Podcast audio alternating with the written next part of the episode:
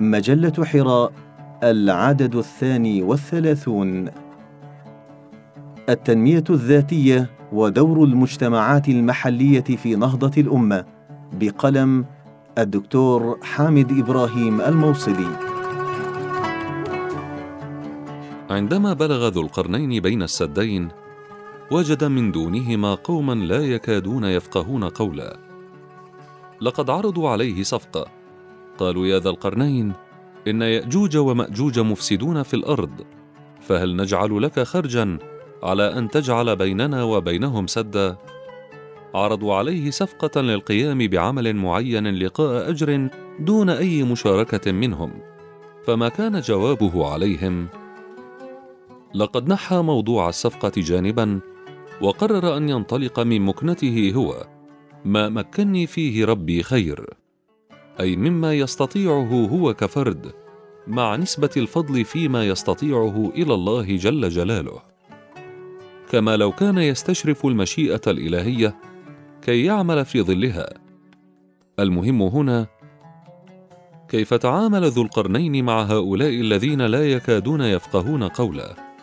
أبسط ما يمكن أن يقال عنهم إنهم أميون أو جهلاء أو عديمو القدرة على الفهم. لقد قال لهم فأعينوني بقوة.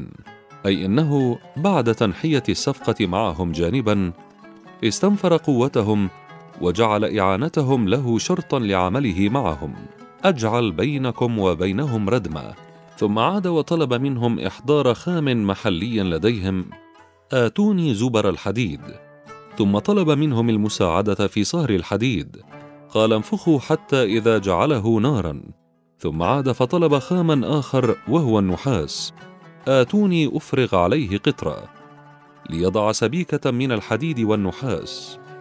أي أن ذا القرنين استطاع أن يطلق طاقاتهم وقدراتهم الكامنة التي لم تكن ظاهرة في البداية. لا يكادون يفقهون قولا. وهذا هو جوهر التنمية الذاتية. إطلاق الطاقات واستخدام الموارد المتاحة محليا لإيجاد حل مناسب لمشكلة أو تحد واجه المجتمع المحلي. التنمية الذاتية هي عملية التحول المستمرة للمجتمع المحلي التي تؤدي إلى إطلاق الطاقات الكامنة فيه والتي تنمي قدراته على التجدد الذاتي والنهضة والتي تمكنه بالتالي من التعبير عن هويته وقيمه الحضارية المميزة. والتنمية الذاتية قد تبدأ بعوامل مساعدة من خارج المجتمع المحلي أو تكون نابعة بالكامل من داخله.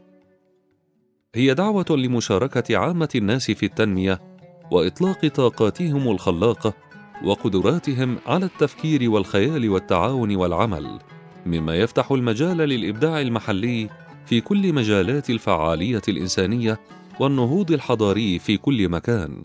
هي دعوة لتخطيط يبدأ بإعطاء دور رئيسي لمشاركة عامة الناس وتوظيف طاقاتهم الخلاقة في التنمية مما يمكن أن يفضي إلى نموذج جديد للتحديث قائما على الإبداع المحلي والاعتماد على الذات.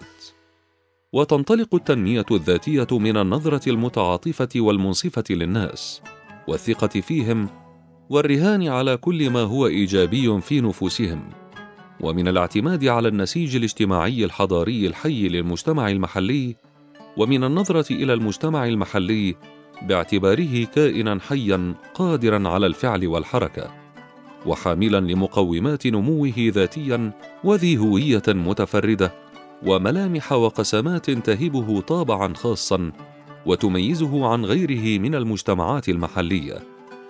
وعلى مستوى الفرد تنطلق التنمية الذاتية من النظر لكل إنسان باعتباره معجزة في ذاته وأن لديه إمكانات كامنة للفعل والإبداع تميزه عن غيره من بني البشر.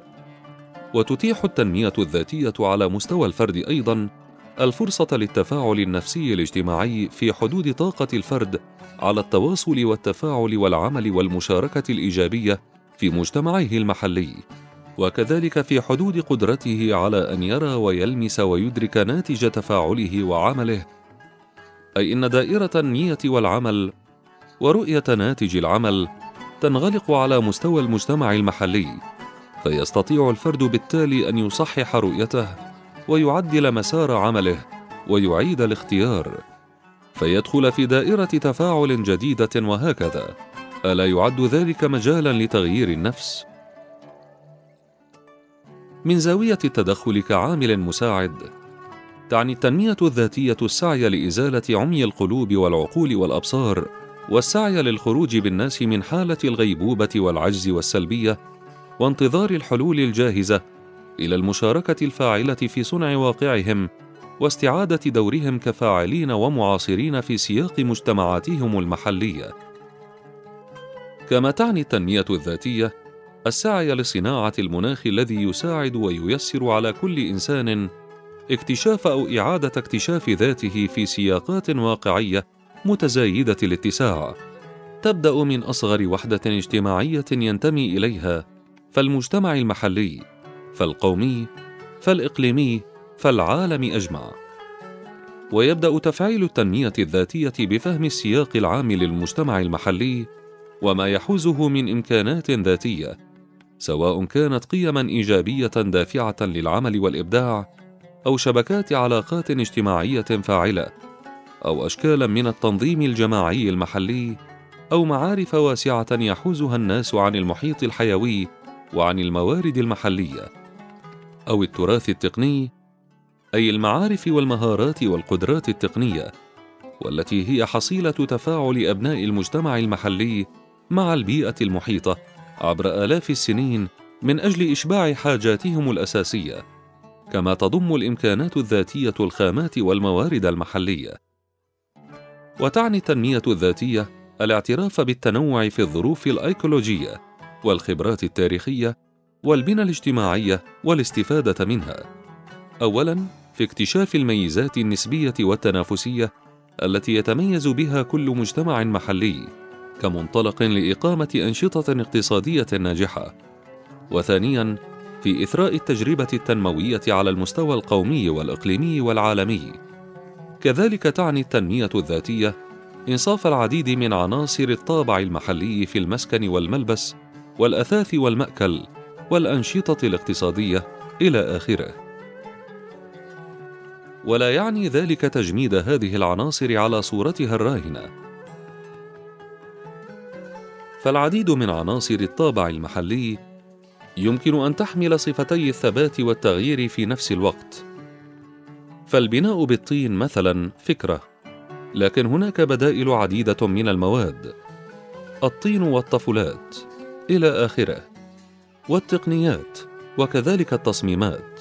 الأهم هو اكتشاف الشفرة والتعبيرية الحضارية الكامنة خلف الطابع المحلي.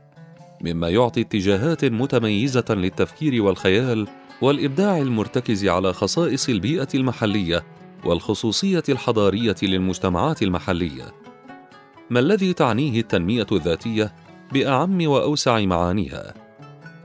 إنها تعني استعادة الناس عموم الناس للمبادرة وحقهم في الاختيار اختيار أهداف الحياة ومعنى التقدم ومضمونه. وحقهم في المشاركة في التنمية وفي بناء مستقبل المجتمع الأمة. كذلك تعني التنمية الذاتية تمكين أبناء المجتمعات المحلية تنظيميا وعلميا وتكنولوجيا كي يكونوا منتجين ومبدعين. كما تعني التنمية الذاتية التخلي عن صيغة التحديث الجاهزة والمرتبطة بالتلقي السلبي لثمرات إبداع وعمل الآخرين في صورة سلع وأساليب جاهزة للحياة والاستهلاك والإنتاج مما يؤدي إلى خمود القدرات الإبداعية الذاتية.